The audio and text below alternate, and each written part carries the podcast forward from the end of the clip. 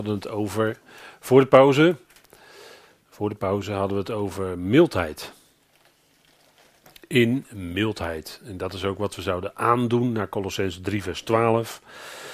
Natuurlijk geweldig, hè? altijd aansprekend wat Paulus daar zegt. Doe dan aan als Gods uitverkorenen, heiligen en geliefden, medelijdend mededogen, mildheid, ootmoedige gezindheid, zachtmoedigheid, geduld, elkaar verdragend en wederzijds genade schenkend, in geval iemand tegen iemand een klacht heeft. Zoals de Heer jullie genade geschenkt, zo ook jullie. Het is altijd hele aansprekende woorden dit, hè? maar goed om uh, dat bij herhaling te lezen. En uh, toch je door te laten dringen, ja daar gaat het om, dat we dit aandoen. Want we zijn tenslotte Gods uitverkorenen, heiligen en geliefden, niets minder dan dat. Dat is heel veel. En ja, wat een genade, hè? Wat een genade. Daar sta je toch elke keer weer verwonderd over. En uh, daar word je ook stil van, denk ik. Hè? In mildheid. Kijk, een ander aspect is, of wat je misschien in contrast er tegenover kan zetten, of tegenover is misschien wat, ja, wat misschien iets te gezegd, maar toch want kijk, hoe toont God zijn heerlijkheid in de nabije toekomst op aarde? En dan gaan we kijken naar openbaring. En er staat er, God toont zijn heerlijkheid straks als inleiding op de duizend jaren. En die dag des Heren die wordt ingeleid met de dag van zijn toren, van zijn verontwaardiging. In lofprijzingen hoor je macht en sterkte. Als je openbaring, als u die teksten naloopt, hè, die daar staan, dan, ziet u, dan zult u zien dat als die lofprijzingen komen in antwoord op de heerschappij en de, de enorme kracht en macht die God tentoonspreidt in de gerichten die in de openbaring beschreven staan, dan lees je steeds over zijn macht en sterkte, het geweld van de gerichten, de vergelding en de onbuigzame schrik aanjagende heerschappij van God terug. Dat hoor je dus in die lofprijzingen terug.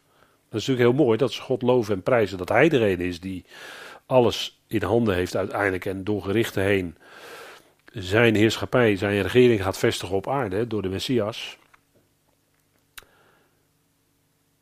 Dat is, zou je kunnen zeggen, zijn heerlijkheid in macht en sterkte. Gerichten. En daar gaan we ook niet aan voorbij. Maar het is nu nog steeds de tijd van de genade. Het is niet de tijd van zijn verontwaardiging. Het is nog steeds de tijd van genade. En als de genadetijd voorbij is, dan gaan de gerichten komen die in openbaring beschreven staan. dus het hele boek Openbaring is nog toekomst. Je leest op de heerlijkheid, de troon, de macht die de Heer gaat vestigen. Op aarde, daar lees je, dat hoor je dus steeds terug in de lofprijzingen die gedaan worden. Laat ik er eentje uitnemen, dus openbaring 11 vers 15 als voorbeeld. Openbaring 11 vers 15. En dat is het einde van het uh, troongedeelte en dan begint het zogenaamde tempelgedeelte in openbaring. En als u daar meer over wil weten, er zijn ook studies van openbaring beschikbaar.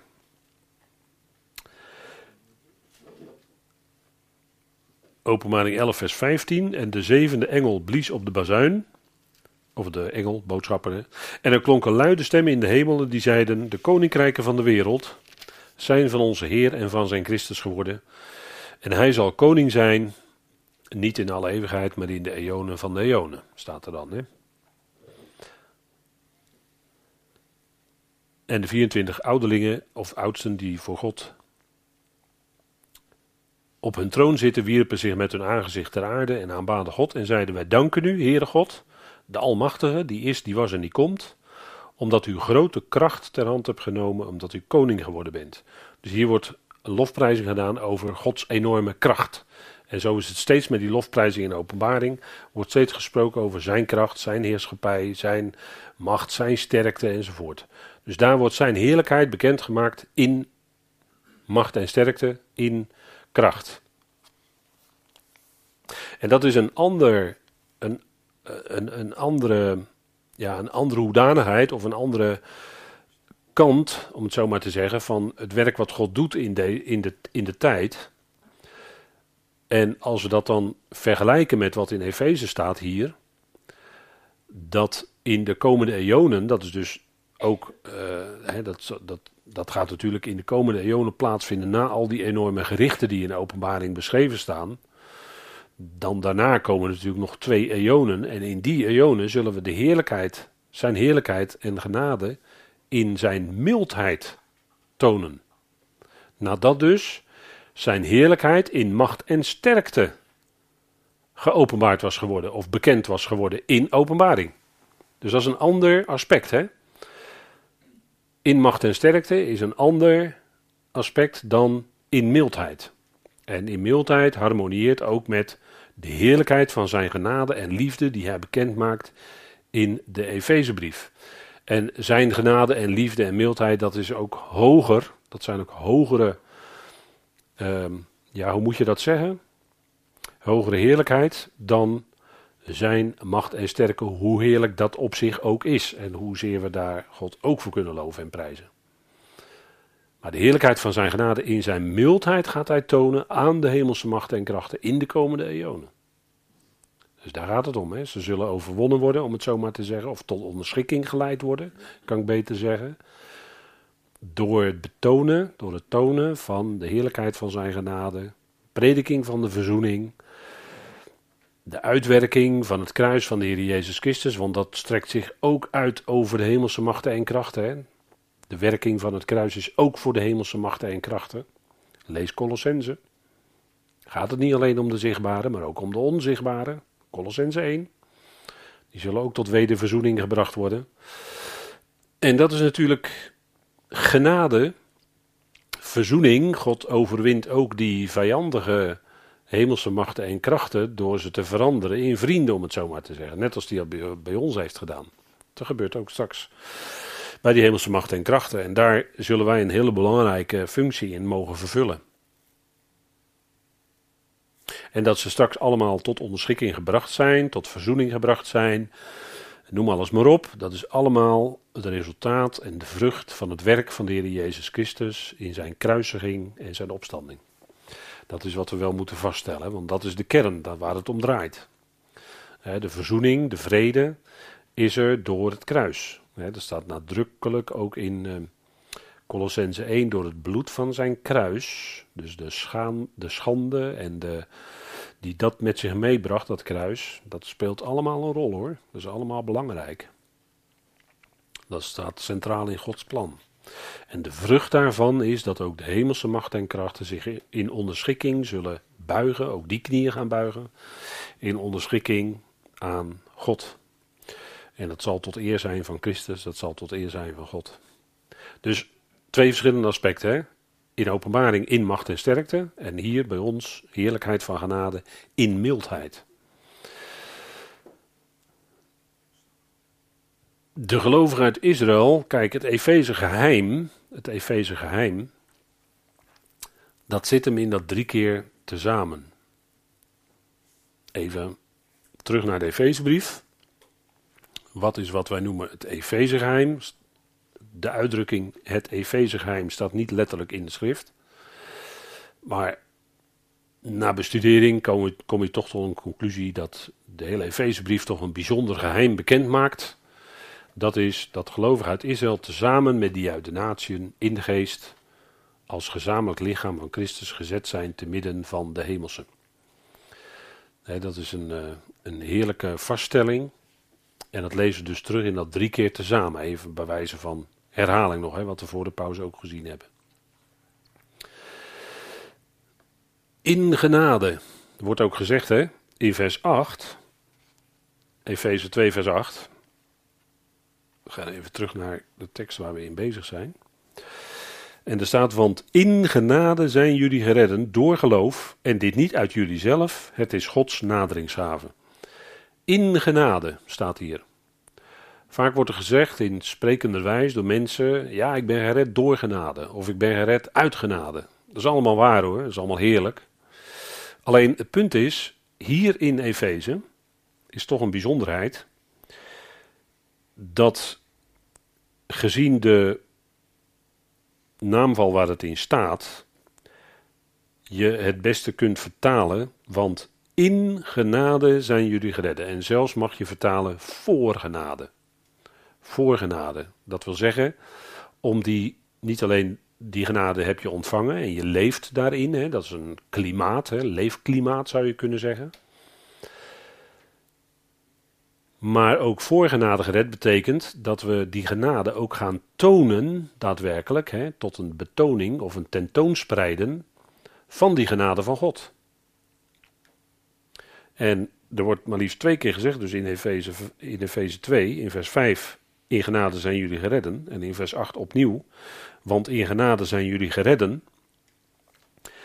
Dat is wat we ook gaan tonen. Maar het is nu ook ons leefklimaat. Want uh, de vorige keer hebben we ook heel even stilgestaan bij uh, Galatenbrief, de Galatenbrief. Daar heeft Paulus het over dat je kunt vallen, dat je uit de genade kunt vallen. Nou, je kan er niet uitvallen als je er niet in bent. Hè? Je kan pas uit iets vallen als je erin bent. Nou, dat wil zeggen, we zijn gered in genade. Dus dat is ons uh, leefklimaat. En wat was er nou bij die gelaten? Die vielen uit de genade. Waarom? Waar, hoe, hoe uh, ging dat dan? Nou, ze wilden weer opnieuw aan de regels en wet en alles uh, wilden ze weer mee bezig aan de slag gaan. Hè, de, de grondregels van de wereld, hè, noemt Paulus dat in Galaten 4. De grondbeginselen van deze wereld. Nou, dat is regels, wet, religie. Daar waren die gelaten weer in teruggegaan, zou je kunnen zeggen. En daarmee vielen ze uit de genade. En dan deed, en, en dan deed hen Christus ook niet nut in de praktijk. Christus deed hem dan niet langer nut in de praktijk. Waarom niet? Nou, je probeert het zelf. Je wil zelf gaan voldoen aan wat je dan ook maar wil invullen. En op datzelfde moment ga je zelf weer eh, vanuit je vlees aan de slag en ben je weg van Christus. Eh, zeg je dus eigenlijk, ik heb Christus niet nodig voor de praktijk van mijn leven. Dat ik doe het zelf. Dat is uit de genade vallen. Dat was bij die gelaten aan de hand. Hè. Die vielen uit de genade. Dus die vielen uit het werkingsgebied waar genade effectief werkt, doordat ze toch weer teruggingen in het eigen vlees en het weer zelf wilden proberen. En uh, ja, zoals we dat wel vaker dan tegen elkaar zeggen, dat gaat hem dus niet worden. Dan val je uit de genade. Dan mis je ook de, dan gaat je vreugde weg en dan staat de Heer niet meer, niet meer in, in wezen staat de Heer dan niet meer centraal. In uh, hoe je bezig bent enzovoort. En dat is natuurlijk belangrijk hè, dat we dat met elkaar goed bewust zijn. Dat we mogen leven in genade. Dat sluit iedere mogelijkheid van werken uit. Werken in de zin van toch weer het doen, toch weer zelf willen doen. Wel werken, maar dan die werken die God, hè, vers 10, de goede werken die God tevoren gereed maakt, opdat we daarin zullen wandelen. Maar dat we daarin zullen wandelen, daar krijgen we dan van God de kracht voor, dat is ook genade. Paulus, dat gebruikt Paulus ook hè, in 1 Corinthië 15. Als hij het heeft over uh, zijn dienstbetoon. En dat was nogal wat. Hij deed veel hoor, Paulus. Hij deed heel veel.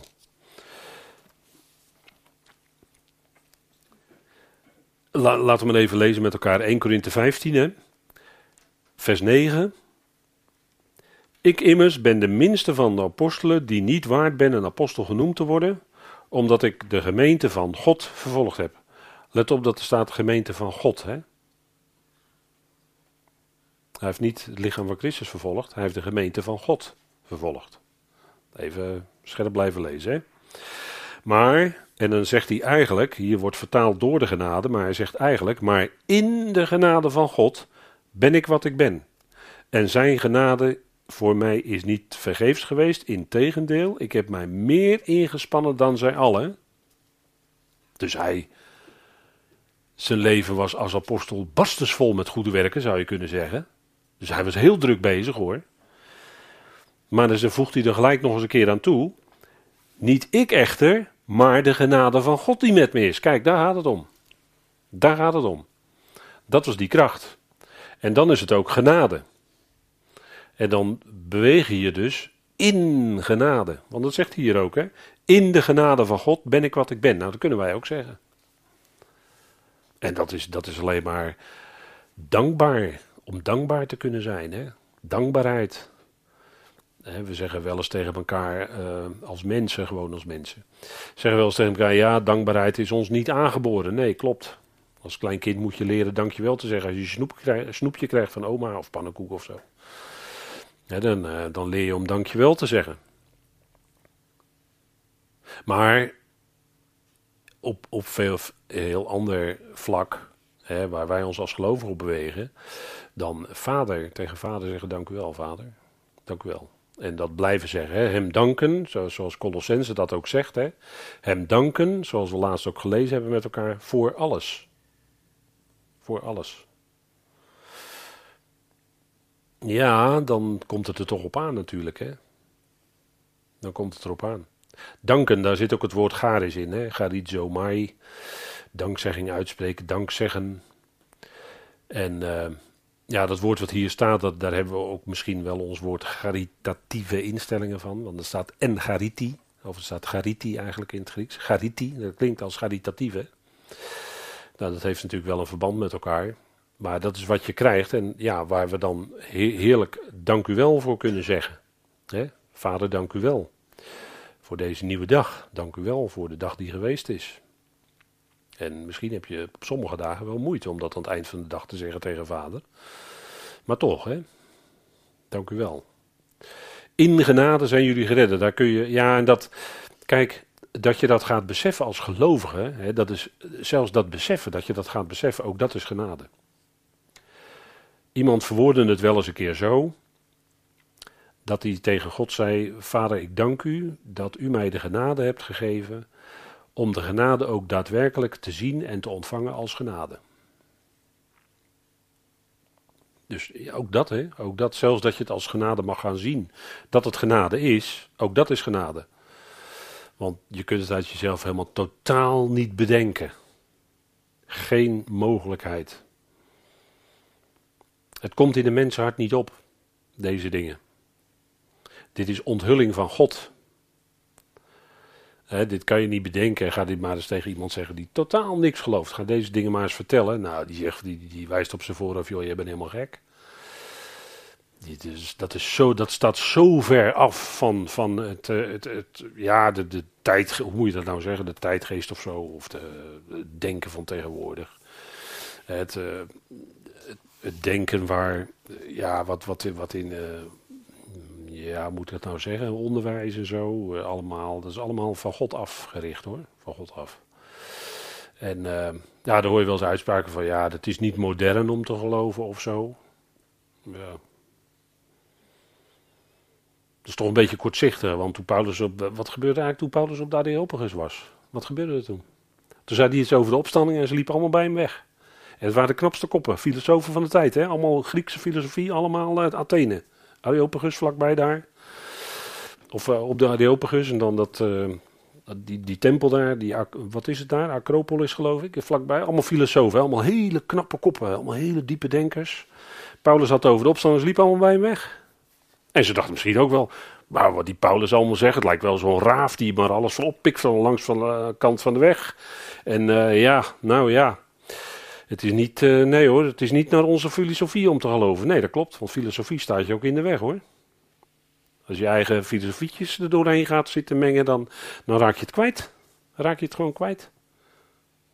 In de schrift ligt het gewoon heel scherp. Het is Christus of filosofie. Het is Christus of religie. Dus het is niet. Ja, zegt u ja, dat is zwart-wit. Nou ja, dat is het ook. Ja, het is ook zwart-wit. Je kunt, niet, je kunt niet de dingen met elkaar vermengen. Dat is een oude les van de schriften. Je kunt niet de dingen met elkaar vermengen. Dat, dat gaat niet. En in de schrift wordt ook duidelijk, je kan ook niet twee evangeliën met elkaar gaan vermengen. Evangelie van de besnijdenis kun je niet vermengen met evangelie van de onbesnedenen. Evangelie van het koninkrijk kun je niet mixen met wat Paulus bekend maakte. Dat gaat niet. Dan raak je het allemaal kwijt. Maar je kunt ook niet je eigen denken. En, en dat, dat hoor je wel eens terug bij mensen. Ja, dan zeggen ze ja, oké, ja, dat staat er wel. Maar, nou, dan komt er heel verhaal.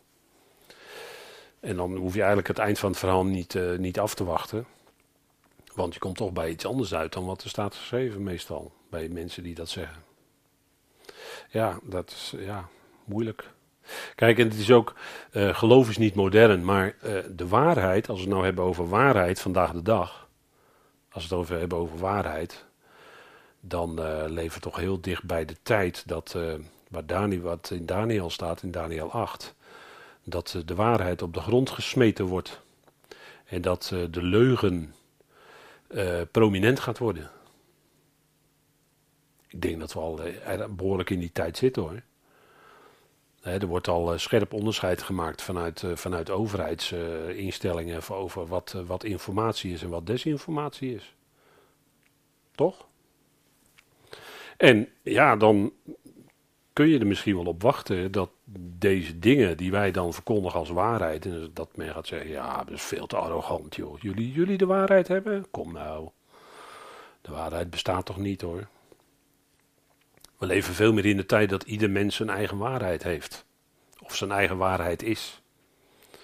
En dat je dan een, een iets normatiefs hebt buiten jezelf, de schrift, als absolute waarheid, wat gewoon geldt. Wat gewoon, die uitspraken van God, die gelden gewoon. Of jij het nou niet gelooft of wel, maakt helemaal geen verschil hoor. Blijft waar. dat, dat, dus dat, maar we leven in de tijd van. Uh, dat er dus van hogerhand bepaald gaat worden wat informatie en wat desinformatie is. En ik denk dat u wel, uh, ja, ik denk dat u wel dat, dat uh, ziet aankomen, hè, zeg maar. Dat die waarheid op de aarde gesmeten gaat worden en dat uh, iets anders daarvoor in de plaats komt. En dat is dan niet langer de waarheid, dat is iets anders. Dus in die tijd leven we. Dus ja. En, en ja, dat is, we leven nog steeds in, in vrijheid hoor. En we mogen nog steeds in vrijheid de dingen doen en uitzendingen verzorgen. En ja, nog steeds, ja. ja. Maar goed, we blijven, we blijven alert en we kijken naar de ontwikkelingen zoals die zijn. En nog steeds zijn we in genade geredden. Het is toch een kostbare vaststelling van de apostel Paulus hier in Efeze 2. En uh, dan gaat het niet aan om te zeggen van ja, dat is maar mooi makkelijk. Helemaal niet makkelijk om in genade, juist niet. Het is juist veel makkelijker om als mensen te zeggen: Nou, ik ga flink aan de slag en ik ga het wel voor elkaar boksen, ik ga het wel regelen, ik ga het wel allemaal doen. Dat is veel makkelijker. Maar echt uit genade leven of in genade en dan dat echt ook aan te houden, dat het zo is. Ja, we zouden blijven bij de genade. Hè? Dat is wat Paulus op het hart bond bij de, bij de oudste uit Efeze in Mileten, als ik het goed zeg. Dan bond hij ze op het hart om te blijven bij de genade van God te blijven bij de genade van God. ik denk dat dat een eh, heel belangrijk punt is wat Paulus daar toen tegen die oudsten daar zei. Dat, uh, dat is wat we ook tegen elkaar zeggen. Laten we blijven bij de genade van God. Want dat is hetgene wat God verheerlijkt. En uh, wat mensen zelf produceren, nou, dus niet veel fraais. Hè? Meestal begint dat met wat uit de mond komt. Voor de pauze ook al even over de tong gehad. Maar dat gaat dan ook veranderen. Wat uit je mond komt, gaat dan ook veranderen, weet u wel. Dat is ook genade, wat dan uit je mond komt. Hè? Laat ieder een goed woord spreken, wat is tot opbouw. Opdat het genade geven, zegt Paulus in Efeze 4, degene die het horen. Nou, spreek dan opbouwende dingen tegen elkaar. Want in genade zijn jullie geredden. En dan kun je afvragen natuurlijk, geredden. Ja, wacht even, dat is het volgende woord hè. Geredden geredden. En dan kun je natuurlijk als bijbellezer afvragen, ja, van, van, van ja, waarvan eigenlijk gered? En uh, van wat eigenlijk gered? Zou je kunnen afvragen. Nou, allereerst van de zonde. Of van de zonden. Hè, meervoud kan ook. De schrift maakt daar ook onderscheid in. U weet het, hè, opletten in de schrift. Enkelvoud, meervoud, moet je opletten. Voor wat nou van de zonde van de zonden? God verandert mensen. En dat blijkt ook dat mensen dan, ja, die zonde in het leven van gelovigen, de zonden, dat het, uh, ja, dan wordt toch wel teruggedrongen. Die oude mens, die uh, raakt toch steeds meer op de achtergrond, zeg maar. Hè? Als ik het even wat losjes uh, zeg. Hè? Die raakt toch wat meer op de achtergrond. Dus redding van zonde of zonden in je leven, dat is wat God doet. Dat is wat Christus Jezus doet. Hè? Hij is gekomen als redder. Hij is je redder. Dus hij redt je van je zonde, van je doelmissen. Daar redt hij van. Nu, vandaag in de praktijk. Bedoel ik dan. Dat is Romeinen 6. Dat is natuurlijk een belangrijk eh, iets, hè. Wat in feite elke dag, wat je in feite elke dag ervaart, hè. Dat je gered wordt van je zonde, zonden. Al die onhebbelijkheden, laat ik zo maar zeggen, van vroeger. Nu uh, aan de kant. Dan komt de hebbelijkheden voor in de plaats. Een belangrijk punt, hè, dat is redding. Redding van uh, de, de, ja, de macht van de zonde is nog niet helemaal uh, weg, maar die is wel gebroken in het leven van gelovigen. En die zonden, dat, uh, daar heeft Paulus het wel over in zijn brieven. Maar dat is redding, dat is waar we, waar we hem voor danken, voor die redding in Christus Jezus.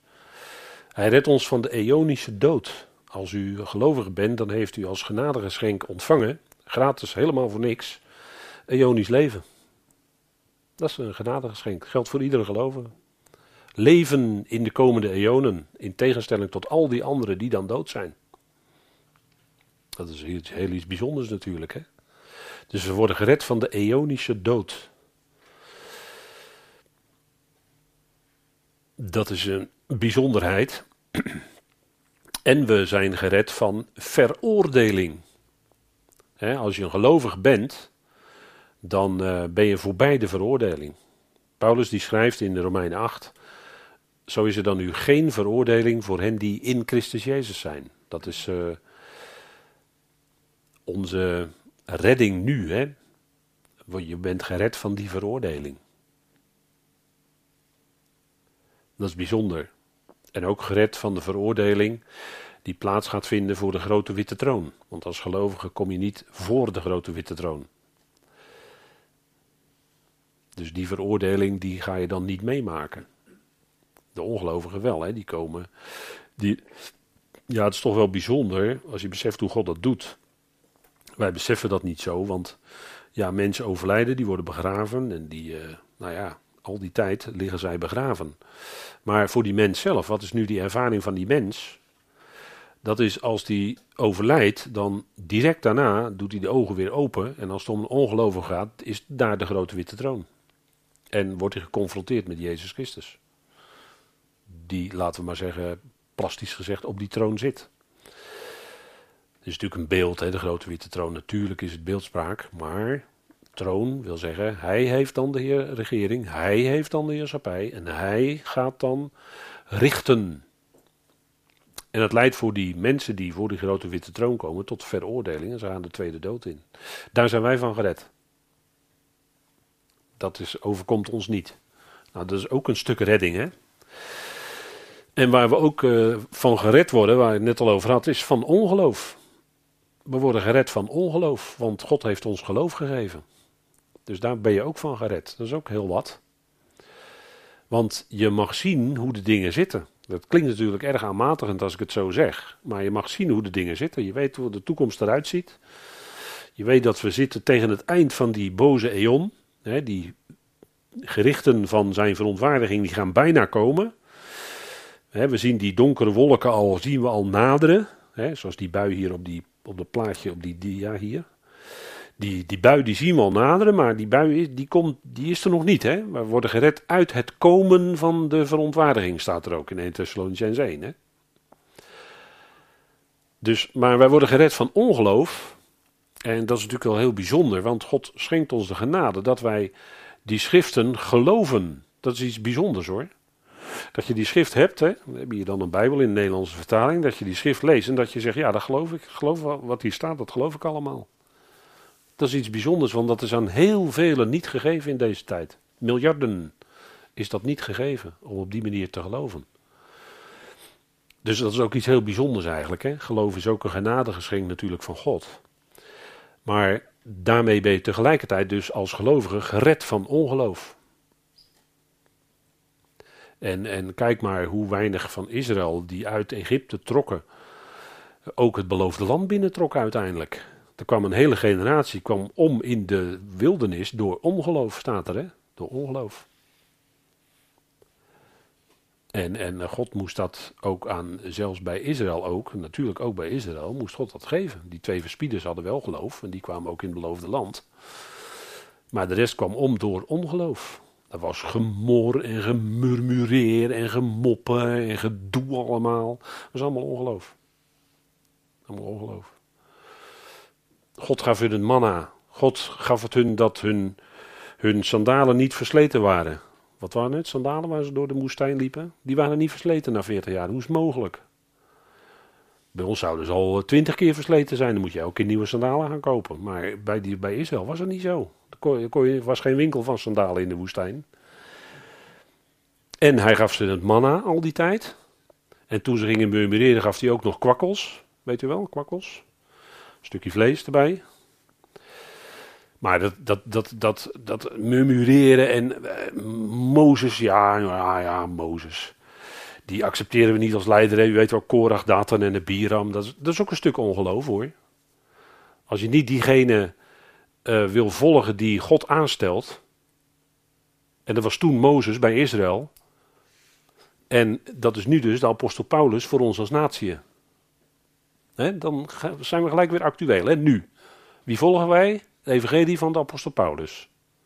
Niet omdat Paulus zelf zo belangrijk is, maar omdat Christus Jezus zijn woorden via hem spreekt. Vandaag tot de gemeente, het lichaam van Christus. En die zouden wij volgen. En hetzelfde is wat dan gebeurt, is, ja, maar alleen Paulus, nee hoor, wij volgen ook die andere twaalf apostelen van de besnijdenis. Wat denkt u wat dat is? Een stukje ongeloof. En waar hebben we het dan over? Dan hebben we het wel over gelovigen, maar dan hebben we op de gelovigen die op dat moment eventjes ongelovige gelovigen zijn. Want volgen niet de richtlijn die God in zijn woord aangeeft, dat nu zou klinken het evangelie van Paulus, dat is letterlijk van toepassing nu op het lichaam van Christus. Iets anders niet. Kijk, dat zijn toch duidelijke lijnen die in de schrift liggen hoor. Dus ja, dat kan. Dat kan. Kijk, gelovigen kunnen ook bij gelegenheid een stuk ongeloof uiten. Dat kan. Dat kan. En goed, met veel geduld en dan God werkt door, natuurlijk, natuurlijk.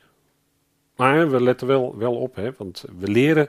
Kijk, natuurlijk is het ook zo dat al wat, eh, zegt Paulus in 1 Corinthië 10, al wat, ons, eh, al wat staat geschreven is ons tot voorbeelden opgeschreven.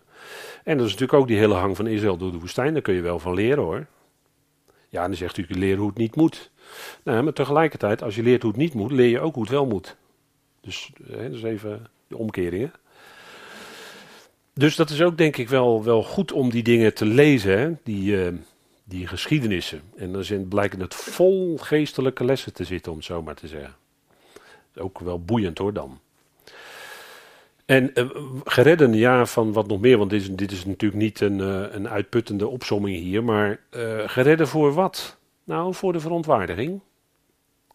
Dat is ook al zo'n moeilijk punt, hè? Dat, uh, dat gelovigen zeggen: Ja, maar ik geloof dat wij toch door de grote verdrukking gaan hoor. Maar wat zegt Paulus dan? Wat zegt Paulus dan in 1 Thessalonicense 5? net 1 Thessalonicense 1. Hij redt ons uit het komen van de verontwaardiging. Dat is hij er nog niet. Hij komt. En in 1 Thessalonicense 5 zegt hij toch dat wij gered worden, dat hij ons redt voor de komende verontwaardiging. Voor de verontwaardiging, toch? Staat er toch? En die verontwaardiging, dat is wel degelijk ook die grote verdrukking hoor.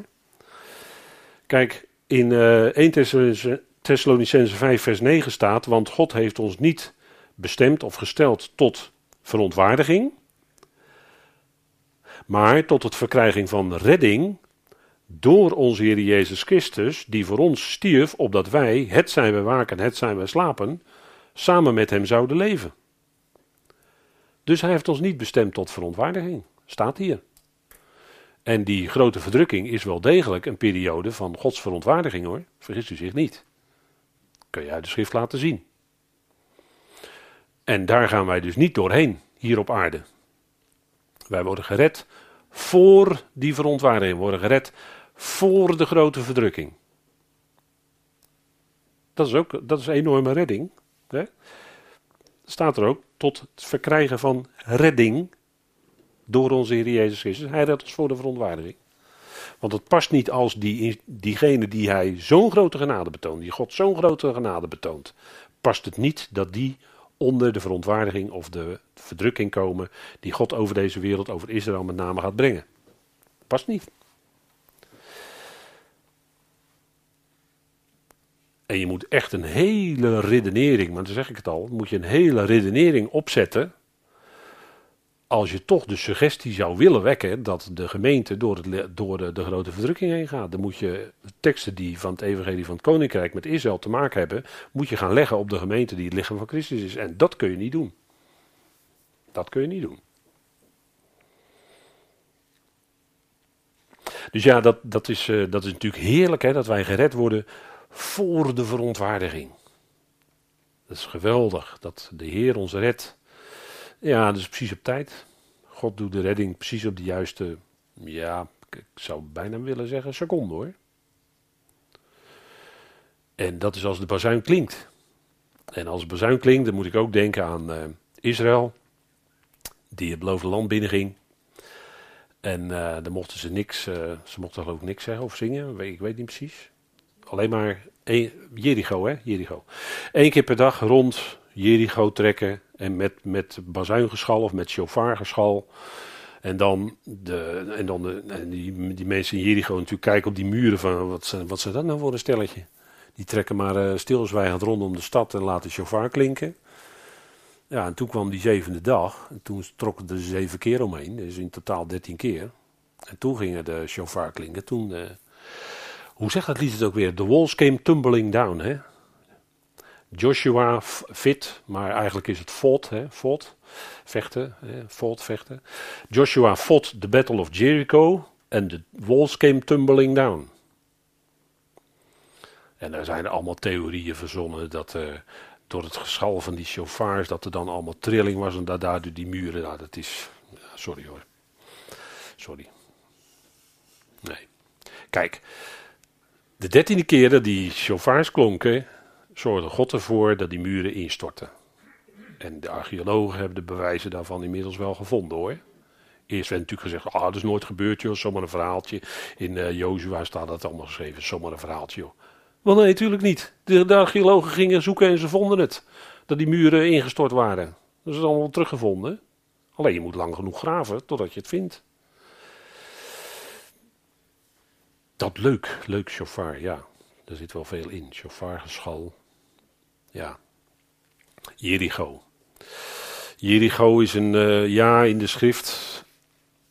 Veel uitleggers zeggen dat Jericho eigenlijk een beeld is van deze oude wereld. Want Jericho lag ook heel laag, hè, lag 400 meter beneden, beneden zeeniveau, een van de laagste plekken van de aarde. En de Heer kwam daar, hè, die ging door Jericho heen staat ook in Efeze 4 dat hij uh, afgedaald is tot in de laagste delen van de aarde. Dat was onder andere Jericho.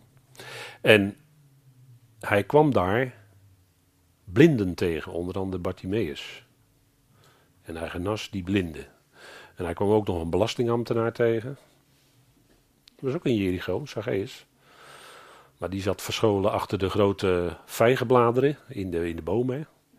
Ook, uh, er zijn ook allerlei gedachten over dat het een klein mannetje was. En dan kon hij niet over de mensen heen kijken. Dus dan klom hij maar in die bomen, kon hij toch de Heer zien. Ja, dat zal wel hoor. Allemaal leuk natuurlijk. Maar de Heer die ging door Jericho heen. En Jericho is een beeld van de oude wereld. Want er rustte, ja, ze zeggen wel eens: Jericho was een stad die eigenlijk niet herbouwd had mogen worden. Maar dat is ook niet helemaal het geval hoor. Want er werd alleen gezegd in de schrift dat degene die Jericho zou herbouwen, daar rustte een vloek op. Dat zat in de schrift, daar rustte een vloek op. En dat gebeurde ook. Dat gebeurde ook. Dat kostte wel wat voor degene die Jericho ging herbouwen. En later ging de Heer dan door Jericho heen.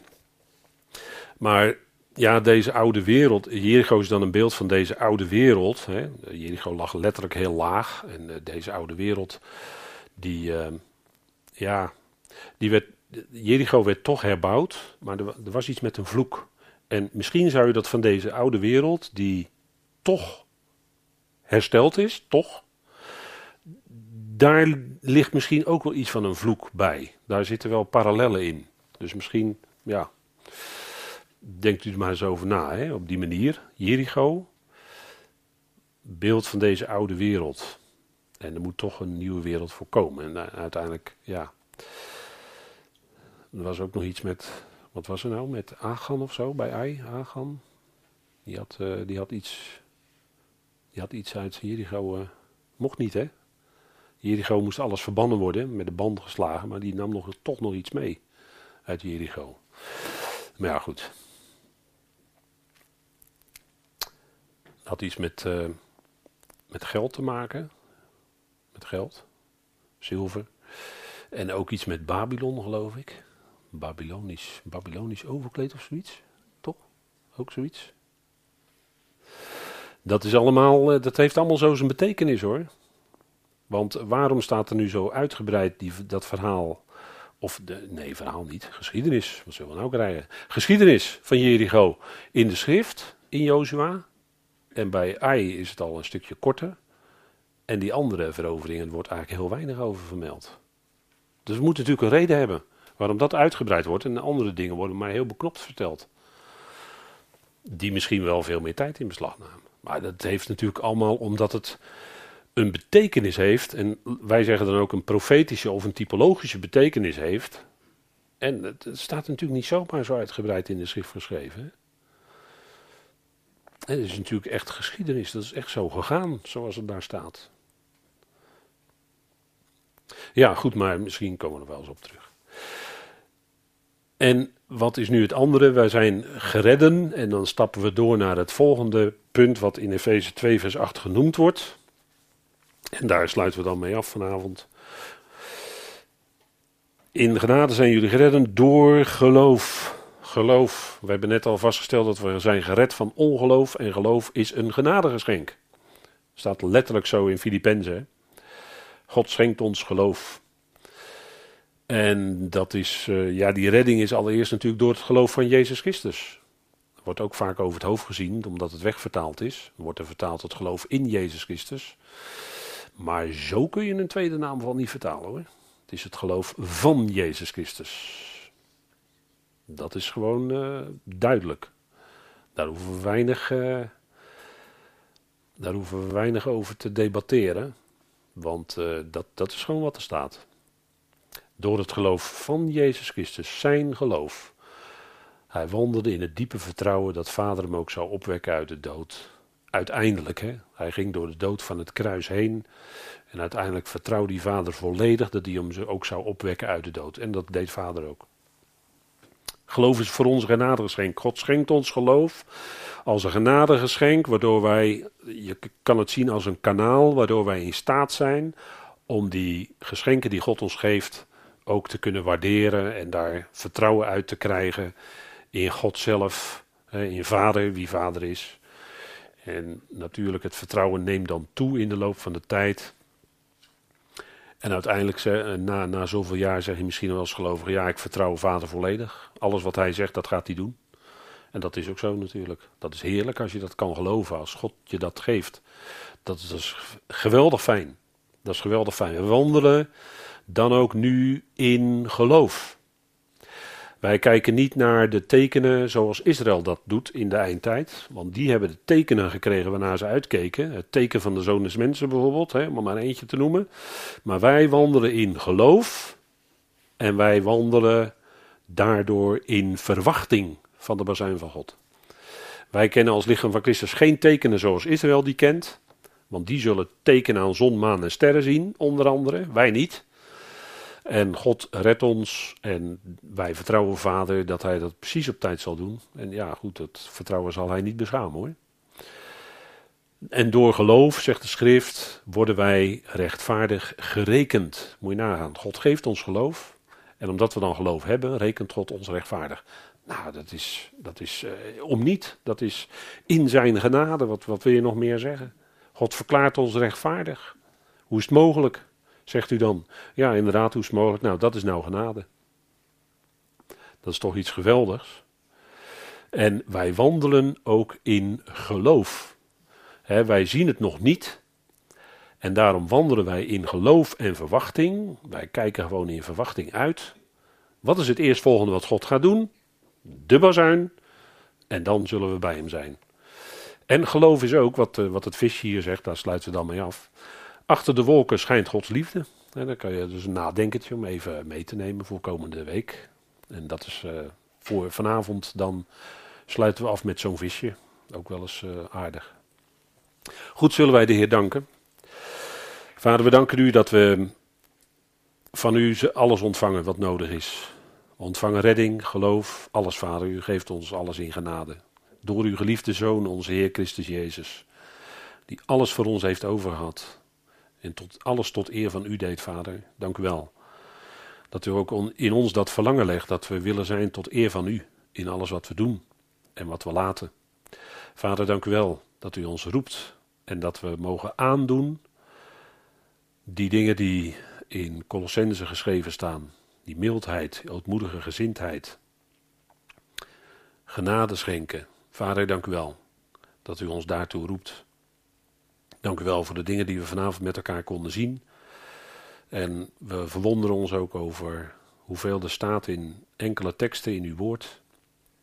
Enorm geladen, met veel erachter. We danken u dat u ons dat geeft, dat we daar in alle rust doorheen wandelen en dat bekijken. U daarvoor danken. Vader, dank u wel voor ieder die hier vanavond kon zijn, wilde zijn. Dank u wel voor ieder die meekeek en meeluisterde op afstand.